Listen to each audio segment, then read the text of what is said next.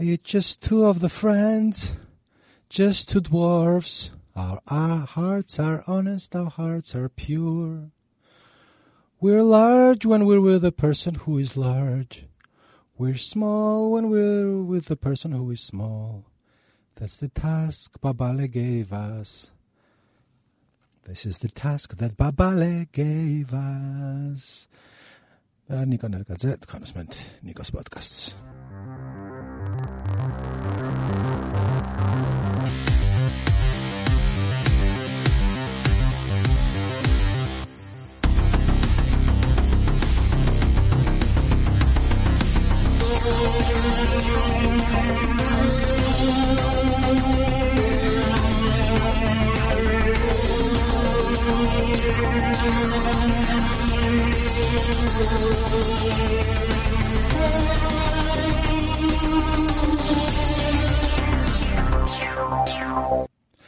ეხლა დავფიქრდი და ალბათ ჩვენი მსმენელების დიდი ნაწილი არ ვიცი რამდენი ადამიანი მისმენს რაღაც არა მაქვს სტატისტიკა და რამე, მაგრამ აა პატარებიც ბლომად გვისმენენ ხოლმე და შეიძლება არ კონდეთ მოსმენელი.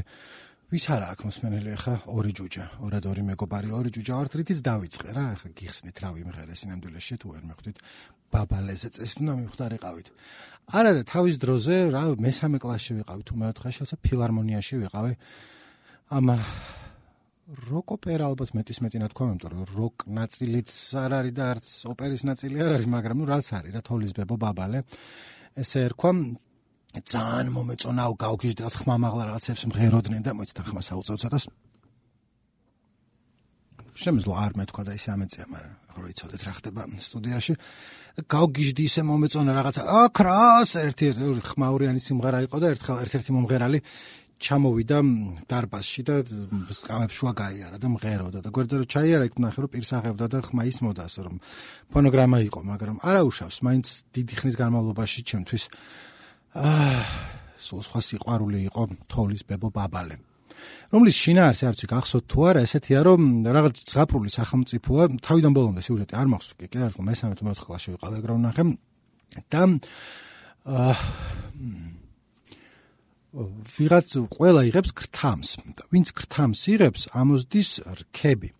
თავიდან ეგრე არის ერთი ტიპი არის რომელსაც არ უნდა რომ გრთამი აიღოს და ცოლი აძალებს რომ ყველა სხვას რაღაცეები აქვს სიმღერა არის ნომერი არის ეგეთ მიუზიკლია თუ რაც რაც ქვია.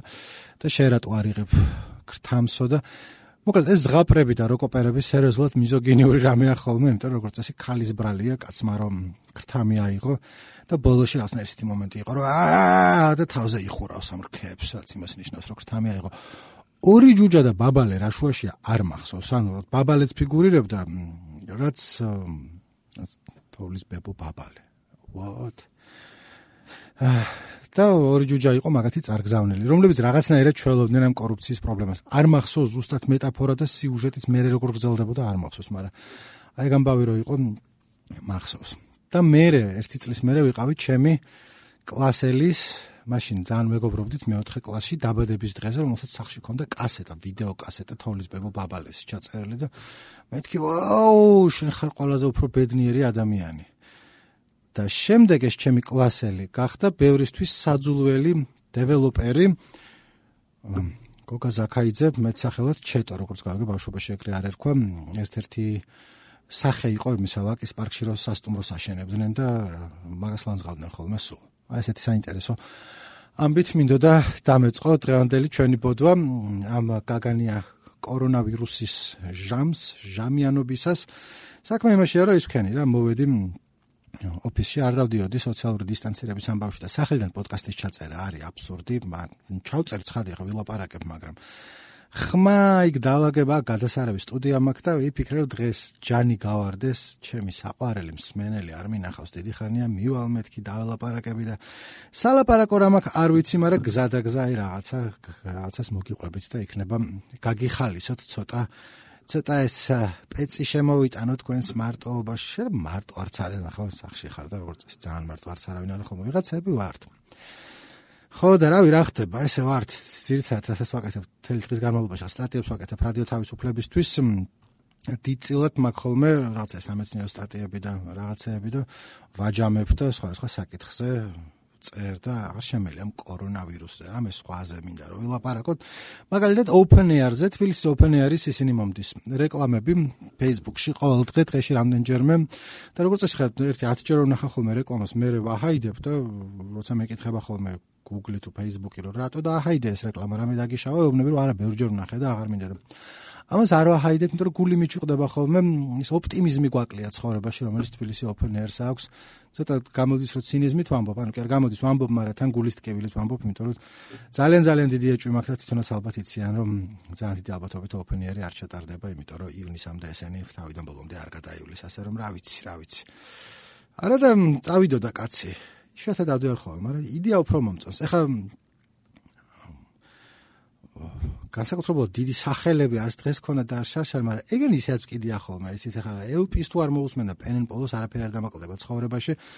ამ უბრალოდ დროის გასატარებლად ჩასაჯდომა და აა სხვა შეიძლება იქ ნახე ლაინაპი და she wants revenge-იც ახლა რო გითხრათ ერთ სიმღერაზე მეტი ვიცი თქო არა პოლო პენენ პოლო ვიცი რომ ჩამოსულები იყვნენ კაი კატაწყალს არ არიან მაგრამ სამაგერად ნახე რომ bedford falls იყო ლაინაპში და მეთქე მან კი წავიდოდი და მოусმენდი მეთქი. საქმე იმაშია, რომ ეხა ერთი რატო არა მაქვს რაღაცები მოსმენელი ხოლმე, იმიტომ რომ აღარ მინდა რომ ესაც თოვლის ბებო ბაბალეზე ვილაპარაკე და 90-იან წლების დასაწყისში რომ ფილარმონიაში ვიყავი რომ ასაკსე ყურადღება გავამახვილო და რაღაცა მაგრამ რეალურად ეგრეა მანამდეც ქონდა წაკითხული არ მჯეროდა რომ რაც უფრო წლები გემატება მით უფრო ახალ მუსიკას ისე ვეღარ აღიქვამ ის კი არა რომ ვეღარ აღიქვამ რომ გიჩლუნგდება და არ გესმის და ო ეს ახალი გაზრდები რა შვებიან. ო არ მესმის ლილუზი ვერტის ხიბლი. მართლა არ მესმის ლილუზი ვერტის ხიბლი მაგრამ მამონტე ხარო ჩაუჯდე რაღაცებზე უკაიფობ ხოლმე მაგრამ აღარ გინდება მე რა ეგრე არის. ერთ-ერთი აი მე მჭირს ხოლმე რომ ადრეს სულ ყველაფერს უსმენდი რაც გამოდიოდა რაღაცა მთელი დღის განმავლობაში ერთი მეორე ჩაუჯექი მოსმენ ეხლა რაც უკვე მოსმენელი მაქვს ძირითადად იმას უსმენ ხოლმე და ამიტომ ახალი რაღაცების საქმე მეჭირს მაგრამ დრო და დრო ხო რაღაცას ჩაუჯდები და ხან დავწერ ხოლმე ხან ისა და ხან ხან მაქვს ხოლმე ბენდებიდან გამოხმაურება ანუ ვიღაცები წერენ ხოლმე რომ თქვა ერთ რამდენჯერმე იყო ხა სულ ვიღაცა მწერენ ხოლმე დღეში ინბოქსი მიფეთქდებაზე არ არის ლაპარაკი, მაგრამ ნუ მოუწერია თუ რა რაღაც გავაკეთე და რას ფიქრობ ამაზე და როგორც წესი ვეუბნები რომ მოусმენ და მე აა უსმენ ხოლმე და მაინამაინც არც პასუხობ და არც არაფერი, იმიტომ რომ არ ვიცი ხოლმე რა უთხრა. თქვა აი რაღაცა რენდომ ქართულ ჯგუფს თუ მოусმინენ, რამდენიმე მქონდა ეგეთი რა. მოусმინე და ცუდი არ არის, ანუ რაღაცა ვიკაიფეო, ჩემით მეტი აღარ მოусმენ, ჩართვა აღარ მომინდება და ამიტომ არც ჩევა მაქვს რამე რომ მივიწე არ ვიცი რა უთხრა. ეს არა ვარ მარინა ბერიძე თუ რაღაცა ესე უკეთესად იმღერიან არანჟირება სხვანაირად უნდა გააკეთო რა ვიცი ეგენი მე არ ვიცი. და ის რა აი კარგი ამარა უკეთესი შეიძლება და მაგის თქმას რა რა უნდა ხო? მაგრამ რამდენჯერმე მქონდა შემთხვევა რომ ეხა ვიდრე ეს კორონავირუსი დაიწყებოდა ერთ კვირით ადრე, კაი დიდი პოდკასტი ქონდა მზად Bear Fox, რომელსაც გავაკეთებ ერთხელ, იმიტომ რომ ჩამოწერილი მაქვს ერთი ხუთი გვერდი აზრები მაგათ ალბომთან დაკავშირებით. მოკლეში არის მქონდა რომ მომეწონა რაღაცეები დემაკლდა თუ არ არის შემიძლია ხომ ის დემაკლდა და შეურისმის ლაპარაკი, მაგრამ რაღაცა მეთქი გაუზიარებ ინფორმაციას ხალხს, რომ რაი რა, როგორია, ჩემი აზრით რა შეიძლება და ყოფილიყო. და თანახან ალბომი არის თავიდან ბოლომდე უფრო ადვილია რომ ალბომზე ილაპარაკო და არა ორ სამ სიმღერაზე და თქვა რომ აი რაღაც როგორც ალბომი ესე შეაფასო. ხო და რა მაგალითად შესავალი რატო გავაკეთე რომ რაღაც ხნის წინ ესეთი ეს მომივიდა მოკლედ მითხრეს რომ იქნება Bedford Falls-ით შეაფასო რომ ეთქვა სადღაც ვახსენე რომ არ მომისმენია თუ არ მომწონს თუ ისე არ ვიცი მაგრამ არ მქონდა მან მოსმენელი სახელი მქონდა გაგონელი და მე ჩართე ამას წინათ, იმიტომ რომ საქმე მქონდა, საქმე არ მქონდა სხვა YouTube-ზე. ბიჭო როგორ მომეწონა, რაღაც ერთ სიმღერა იყო, მორჩა აი სიმღერაა ეს ახერ. მე გადავედი სხვაზე მოვსმინე ბიჭო რა კაია და მოკლედ რაღაც ერთი 10 სიმღერა მოვისმინე, ერთმანეთზე უკეთესები იყო. ესე ინგლისურენოვანი ქართული ჯგუფი არ მომწონებია, აი რა ვიცი, Young Georgian Lolitas-ის მერე, რომელიც აგერ თითქოს გუშინ იყო, მაგრამ აი 10 თუ რამდენი წელი გავიდა მაგათ მერე. იმდენად რომ დაჟავი ფიქრობდი რომ მეთქვა რა რეცენზია თავით რამე ხوار გავაკეთო და ვერ მოვიფიქრე იმიტომ რომ არა მაქვს პრეტენზია არაფერი რა. ხა მე როგორც წესი ლაპარაკობ ხოლმე რომ ჯობია რომ ჯგუფმა ქართულად იმღეროს და ინგლისურენოვანი უფრო რაღაც არის, მაგრამ იქ თვითმიზანი ხო არ არის, ანუ იმიტომ იმიტომ კი არა რომ რაღაცა სადღაც წერია რომ აუცილებლად ქართული უნდა იყოს. უბრალოდ როგორც წესი ქართული ჯობია ხოლმე თუ არის ქართული ბენდი, იმიტომ რომ ინგლისურად რომ ღერი ხარ ძალიან ადვილია რაღაცებს ერთი მიბაძო, მეორეა რომ ძალიან ადვილია რომ ბანძი ტექსტი გაგეპაროს კი არა და დაწერო.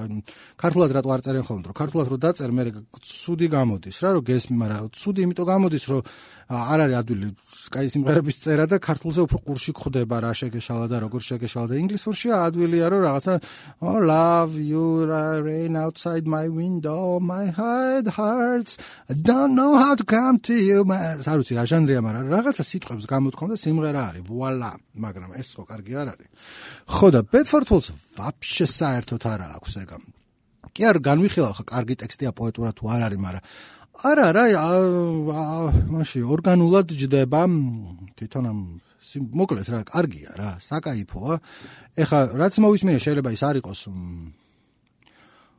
სრულიად ორიგინალური და რაღაცა გავლენები ალბათ ეთყობა მაგრამ ჯერ ერთი რომელს არ ეთყობა ქართულს კი არა საერთოდ რამე ჯგუფს და მეორეს ერთი ხა რო გითხრათ რომ ჩავრთე და მაინამაინც რამე კონკრეტული ბენდი მომაგონა არა შეიძლება იმიტომ რომ არა მაქვს ბევრი მოსმენელი მაგრამ არა რა რაღაცებს გავს რაც ეხა მუსიკა იწერება ხოლმე მაგრამ არც რაღაც რამის ეპიგონებად მომეჩვენენ და არც არაფერი.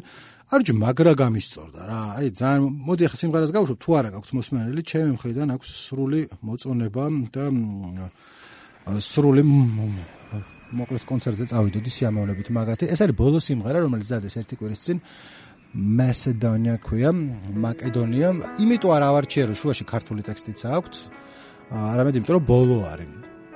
და თერაც სახში ჩაწერეს და არც ეთყობა რომ სახში ჩაწერილია რაღაც სოციალური იზოლაციის პირობებში. ვარჯი მაგრამ მოიტანა რა. მაგრამ მოიტანა და ყოველას ურჩევ რომ ბედფორდ ფოლსი თუ არა გაქვთ ჩაუსხეთ ocean liners across the mainland right from the window I see your lights on virus spreading tears ejecting stay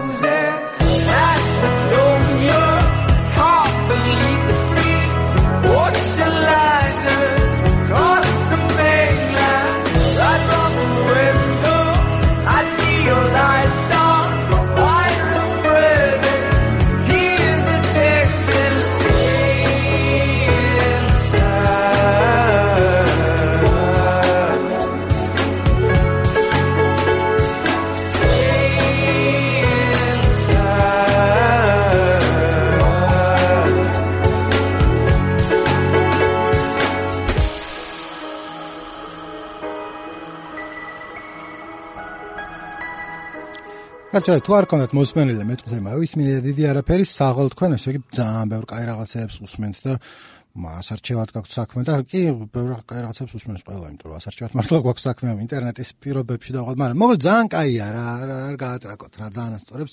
Bedford Falls ჩემი ხმა, სამი ხმა გადასული ხარ ჩემ და გეტაპზე ბაზარი. ჯოსტარ ჟიურიში ვიყავი ადრე. აა თან სასწაულ ხმობა იყო.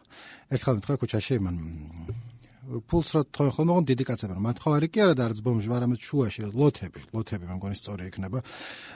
რაღაცა ლარი მომეცო დალევამი და მეთქი არა მეთქი და შემხედა გამიცინა და ვერ გადავედიო შემდეგ ტურშიო და მეთქი აა ვერა თქო და მაინც არ მეოცი ფული მაგრამ რაღაცა მეთქი აა სასაცილო იყო მართლა ობიექტურად და მე მეორეჯერ შემხვდა ერთი კვირის მერე და ზუსტად იგივე ხუმრობა გაიმეორა და მეთქი კაი ხა არ არის საჭირო.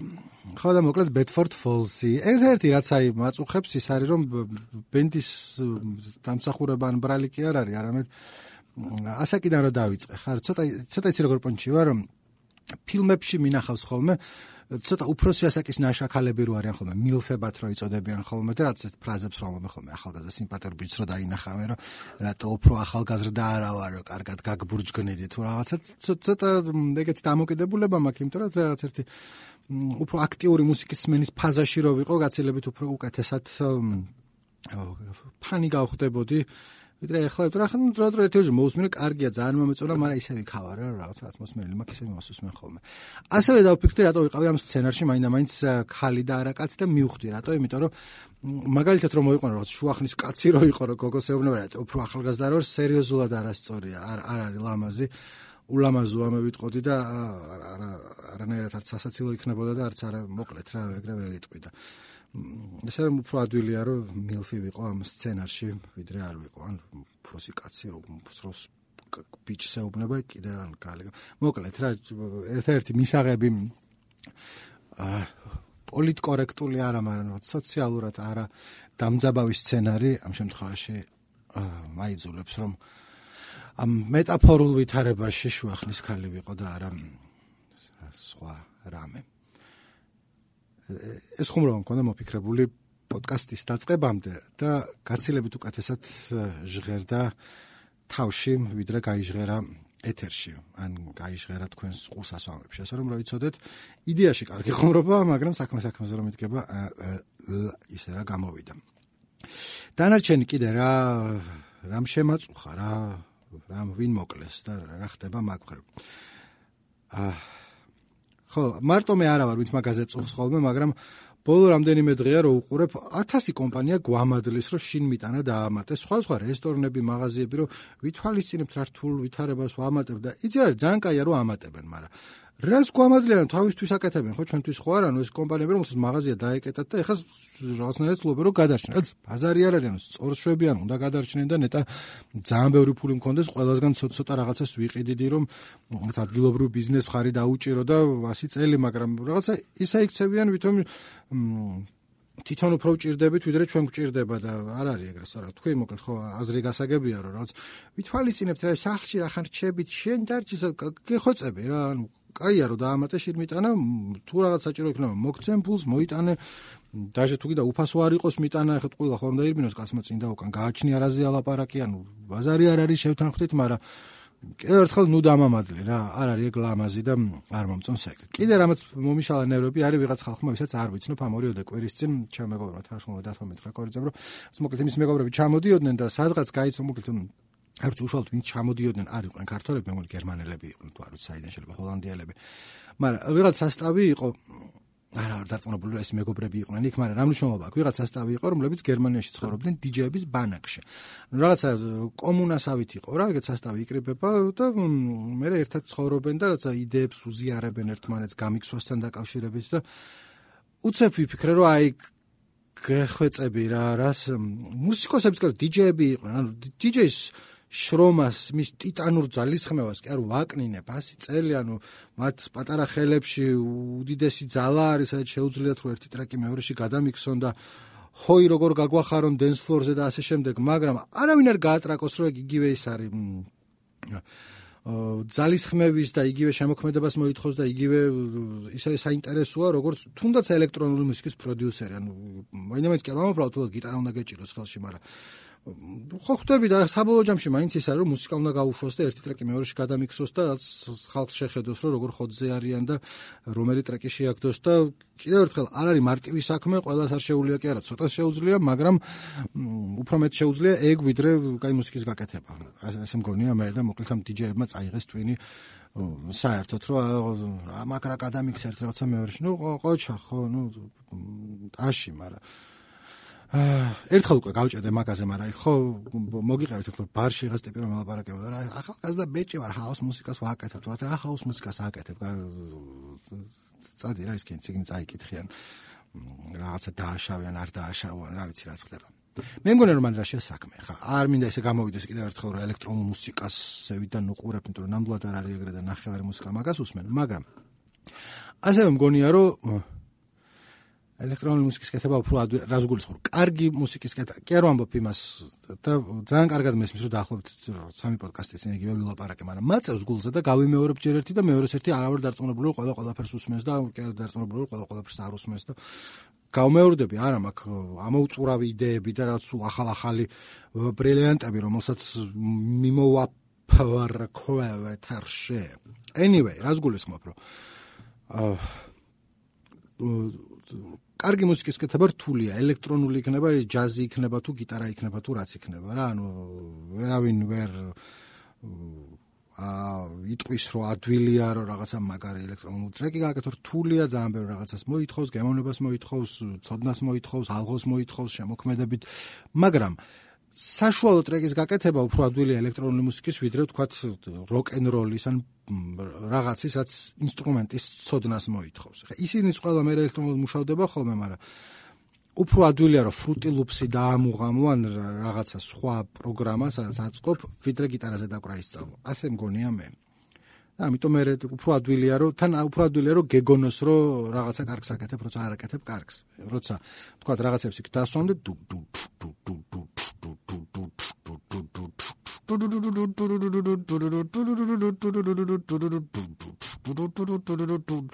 ხო, ანუ ამას ისწავლი ორ დღეში და მე უსმენ მუსიკას გავს და გონია რომ კარგია. მაშინ როცა ვთქვა დრამზე დაკვრა რო დაიწყო, კაი ხანი გჭირდება რომ რაღაცას გავდეს და მთელი ამხნის განმავლობაში იცი რომ არ არის კაი რიტმი, რასაც აკეთებ და მერე რა კითხულობთ ხო, აი მერე რა, ხო, არც არაფერი, არაფერი, არ ვიცი. უბრალოდ ჯაჯღანებ, იმიტომ რომ გარეთ კორონავირუსი მძვინვარებს და ჯერ არ მძვინვარებს, მაგრამ აი მთელი ამბები რა. ასევე საერთოდ ვერ დავამუღამე სერიალი Witcher. შეიძლება იმის ბრალია რომ თამაში არ მითამაში ან ციგნი არ წამიკითხავს, მაგრამ მინახავს თამაშს რომ თამაშობდნენ და საკაიფო იყო და ჩემი მეგობრებს წაუკითხავ ციგნი და ძალიან მოწონებიათ და რა ვენდობი მათ არაფერი პრეტენზია არც იმას არ მაქვს. აა ციგნთან არ მაქვს და არის თამაშს და ფილმი რაც ვნახე სერიალი ახლა გითხოთ რომ ჩაუჯექი და ვნახე თქვა რომ მაგრამ ისეთი შესახე და ისეთ ვიძია რაღაც მართლა პოლონურ ფენტაზიის გავს. კი არ ვაკნინებ პოლონურ ციგნს კი არ ვაკნინებ მაგრამ ჩემ ბავშვობაში იყო თქვა ჩეხურის ღაპრები აი მაგას ვამბობ რა. სატელევიზიო გადაღებული 90-იანი წლების დასაწყისი სტილში. ცუდვიდზია რა ეს მესმის რომ ეს ქალებს ეს ტიპი მოწონთ რა ქვია მთავარ როლში ვინც არის ვიჩერის კავილი თუ რა ვირა რა ვიცი მე. და ნუ კაი ხო კაი შესაძლებელი მაგრამ მარტო მაგის გამო რომ რაღაცა კაი ნაშა რაღაცას უყურო დანარჩენი არის აი რაღაცა ჩემი აზრით არაადეკვატური ზღაპრის ვიდზე და ჭუმაქრო შინა არსიც ეგეთია და კარგად იყოს ვიჩერი რა. და არც მინდა მოწერა რომ აი ჩე მიეცი შენსი და არ მიუცემ შანს ცხოვრება მოკლეა და არ მინდა რომ ვიჩერის ყურებაში დავხარჯო სოპრანოები არ მაქვს ბოლომდე სოპრანოები რომ ამბობ ხო კარგია მაგრამ აი ეგეც როგორც მინდა ისე ვიტყვი და როგორ არ მაქვს ნახი რა თავის დროზე არ მინახავს და მე დავიწყე ერთხელ და შევეშვი არა იმიტომ რომ რამე დაუწუნე. ძალიან მაგარი ჩანდა მაგრამ რაღაც დრო არ მქონდა ვერ მივყევი და ეხავ ნახავ. ხო ასე რომ სოპრანოს ვიცი რომ კარგია. არ მინახავს კარგია ნახავ არ მაქვს პრეტენზია სოპრანოსთან ვიჩერთან მაქვს პრეტენზია. თუ არამართებულია ეს პრეტენზია ბოდიშს არ მოვიხდი უკან არ დავიხედო მაინც არ ნახავ იმიტომ რომ ფეხზე მკიდია ვიჩერი. თავის თამაშიან ციგნიანად იმიტომ რომ ისინი არ მითამაშე და არ წამიკითხავს და აა აი ეგრე. კარგად იყოს ვიჩერი ნახვამდის. Goodbye.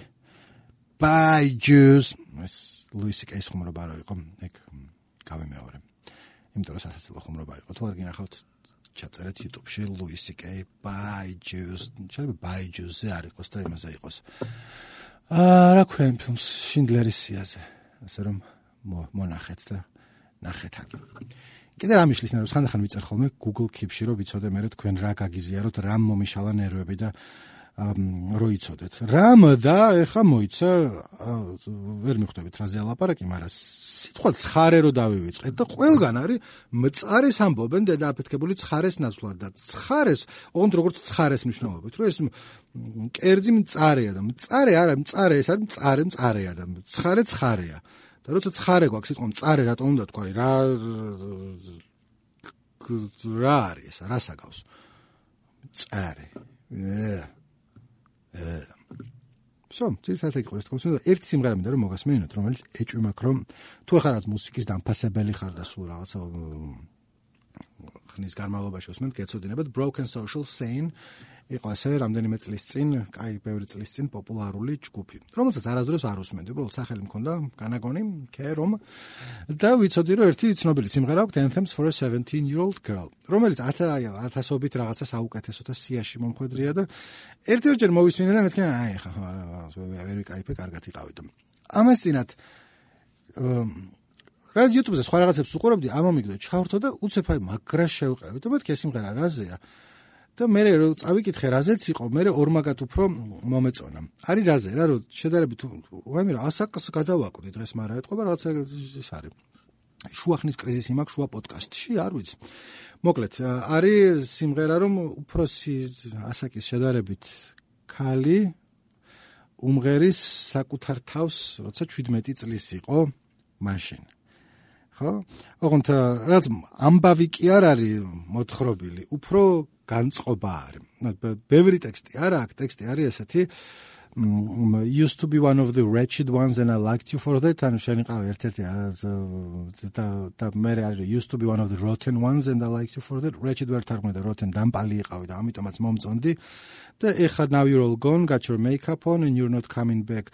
და ეხა უკვე გაქრიანო წარსულმეზე ალაპარაკი მაკიაჟი გიკეთია და უკან აღარ დაბრუნდები კბილებს ითეთრებ ფოტოებს იღებ და ჩუმად საზღვრებებს ლაპარაკობ. და მე თავის თავს მიმართავს ასევე ოღონდ ეხლანდელ თავის თავს რომ გააჩერე მანქანა დადეკ ტელეფონი იატაკზე დაიძინე და ჩემზე ნახე სიზმრები.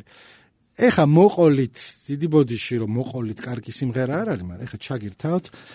და სულ რო არის ოდერაზეა მაინც რაღაცნაირად ცოტა ეს არის რა ცოტა აა სიზმარივით სიმღერა რა მოაქვს და მე როცა იცი მე კიდევ უკეთესია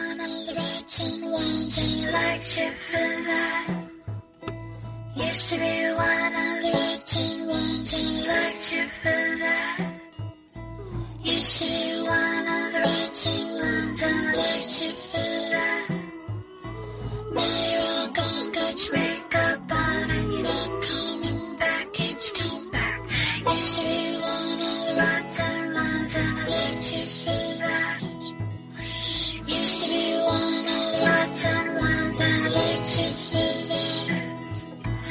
Used to be one of the rotten ones and let you feel that.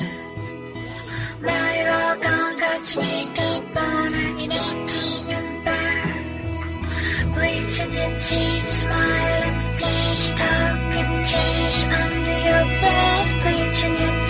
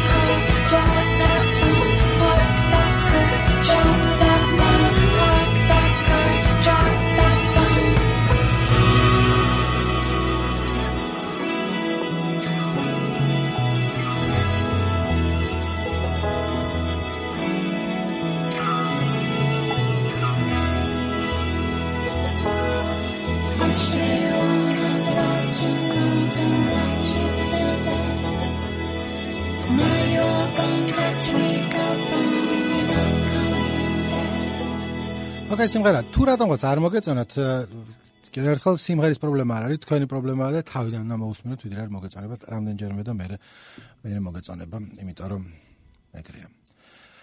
აა აბით ამოვწურე ჩემი მეტი არაფერი სათქმელი არ მაქვს და დაგემშვიდობებით აა იმედი ერთ კვირაში ეს მომიწევს ოფისში მოსვლა და ჩავწერ კიდევ პოდკასტს რამე სიმღერებს შეგირჩევთ რამეზე ვილაპარაკებ ოის ბერფოქსის პოდკასტი მოკლედ საქმეს რა გამოლევს ჩვენ ვიყოთ კარგად და გავფრთხილდით თავს. გარეთ არ გახვიდეთ გოგეთყოდეთ, მაგრამ ჩემი საქმეა. არაფრის არავის არაფრისკენ არ მოუწოდებ. მე თვითონ არ გავდივარ, მაგრამ ხანდახან ოფისში მოვდივარ ხოლმე, როცა საჭიროა და არავის საქმეში არ ვერევიმე და ნორცხა ჩარევა ჩემ საქმეში. peace